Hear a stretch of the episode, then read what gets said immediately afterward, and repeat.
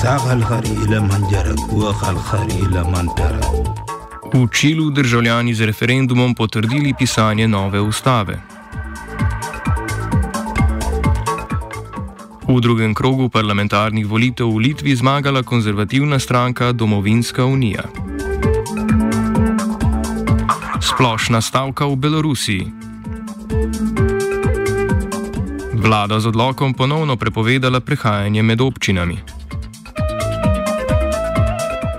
V kulturnih novicah oblastna razmerja prevajanja anglofone literature.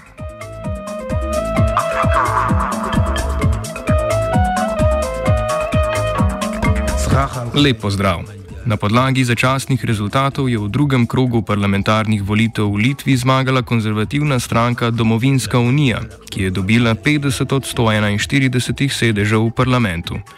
Trenutno vladajoča zveza kmetov in zelenih s premijejem Soliusom Skvernelisom je bila drugo uvrščena, dobila je 32 sedežev. Vodja zmagovalne domovinske unije in nekdanja finančna ministrica Ingrida Simoniti je napovedala tvorbo desno-sredinske koalicije, v kateri bi sodelovala še liberalno gibanje, ki je osvojilo 13 sedežev, in svobodna stranka z 11 poslanci. Volitve je seveda zaznamovala epidemija novega koronavirusa, kampanja je bila, kar se tiče ekonomskega stanja in izobraževanja, osredotočena na spopad z ekonomsko krizo in na zmanjševanje razlik med urbanimi ter podeželskimi območji. Kljub temu, da so imeli v Litvi rekordno število novih okužb, ostajajo pod evropskim povprečjem.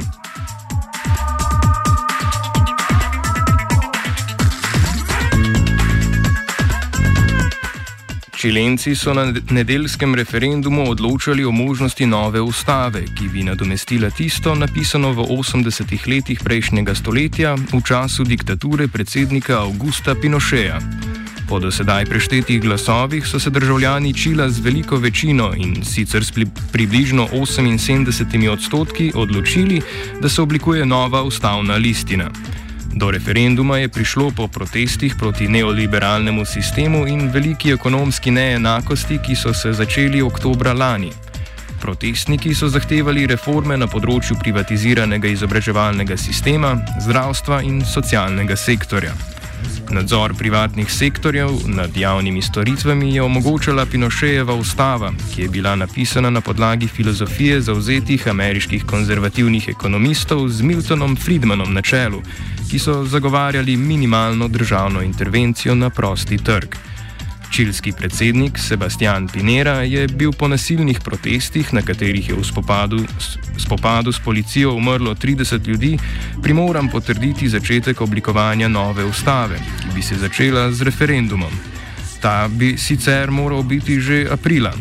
Poleg tega, ali si želijo novo ustavo, so državljani odločili tudi o tem, kako jo bodo dobili. Tako bo osnutek nove ustave oblikovalo 155 na novo izvoljenih državljanov, med katerimi ne bo nobenega od trenutnih državnih uradnikov.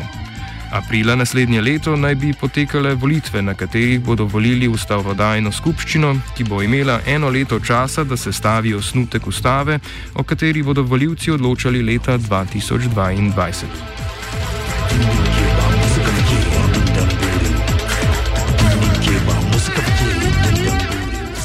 V Belorusiji se je danes začela splošna stavka po celi državi, kateri je pozvala vodja opozicije Svetlana Tihanovska.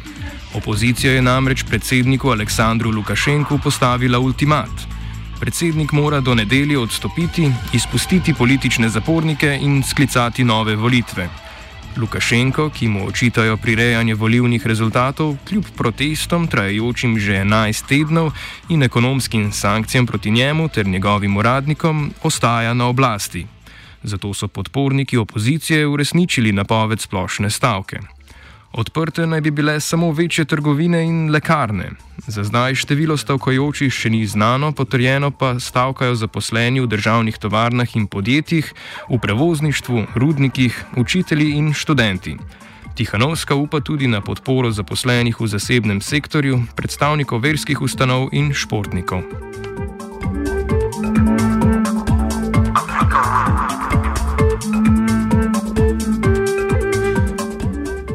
Državi Armenija in Azerbajdžan sta druga drugo obtožili kršenja zadnjega premirja v zvezi s konfliktom v Gorskem Karabahu in sicer le nekaj minut potem, ko je ta začel veljati.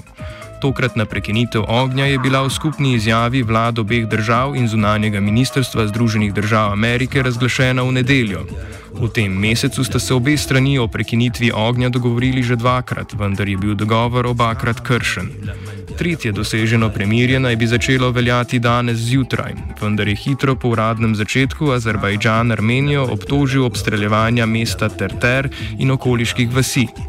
Armensko obrambno ministrstvo je obtožbe označilo kot lažne informacije in azerbajdžanske sile obtožilo kršitve premirja, saj naj bi stopovi obstreljevale armenske bojne linije.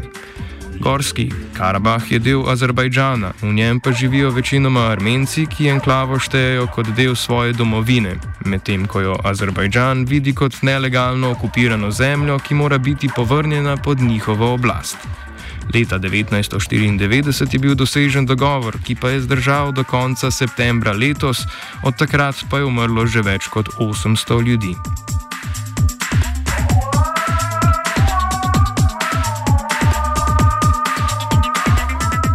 Muslimanski svet se je kritično odzval na komentarje francoskega predsednika Emanuela Macrona, ki je islam opisal kot vero v krizi in muslimane obtožil, da si želijo naše prihodnosti. Razgre razgrete debate o položaju islama je v Franciji sprožil umor učitelja, ki je pri pouku v okviru obravnavanja svobode izražanja pokazal karikature Mohameda. Te so bile pred časom objavljene v satirični reviji. Nekatera podjetja na Bližnjem vzhodu so začela bojkotirati izdelke iz Francije in tako izkazala protest proti Makronovi obrambi upodabljanja Mohameda. Zgražanje je toliko bolj potencirala petkova projekcija preroka na francoske vladne stavbe. Odzval se je turški predsednik Režep Tayyip Erdoğan, ki je podvomil v duševno stanje Makrona. Pakistanski predsednik vlade Imran Khan je poslal pismo Marku Zuckerbergu, direktorju Facebooka, v katerem ga prosi naj prepove vsakršne islamofobične vsebine, podobno kot je storil glede zanikovalcev holokausta. Khan je bil kritičen do Makrona, ki bi moral po njegovem obtožiti nasilne ekstremiste, ne pa napadati islama in s tem spodbujati islamofobije. Oba, če bom odgovoril na angliški.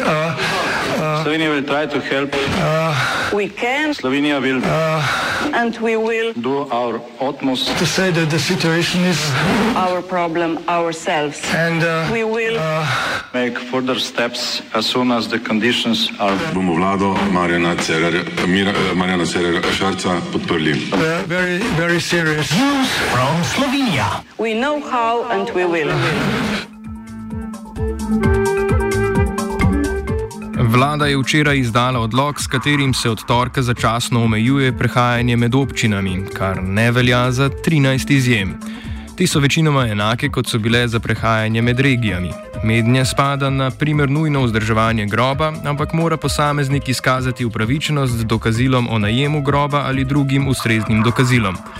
Odlog, ki začne veljati jutri, poleg tega določa, da maske ob najmanj 3-metrski medsebojni razdalji na zelenih površinah in pri rekreacijskih dejavnostih niso potrebne.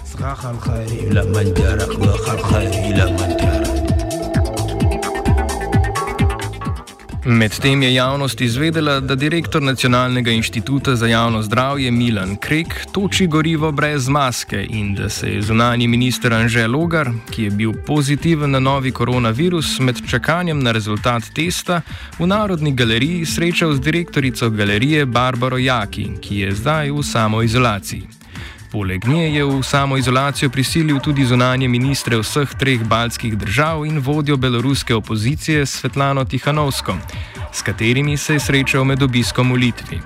V samoizolaciji je tudi notranji minister Aleš Hojs zaradi potrjene okužbe na notranjem ministrstvu.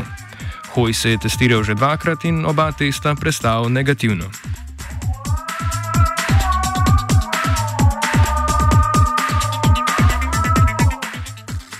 Zaključujemo v neposrednji bližini, le dve nadstropji pod našim studijem v študentskih domovih. Vlada je v sklopu ukrepov za omejitev epidemije COVID-19 v soboto zaprla študentske domove. Že v soboto so bili kot izjeme opredeljeni tisti študentke in študentje, ki imajo stalno prebivališče v študentskem domu, študentske družine in gostujoči akademski delavci.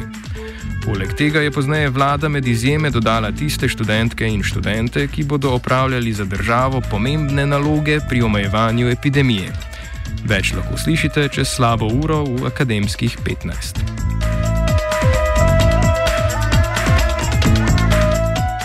OF je pripravila Aida.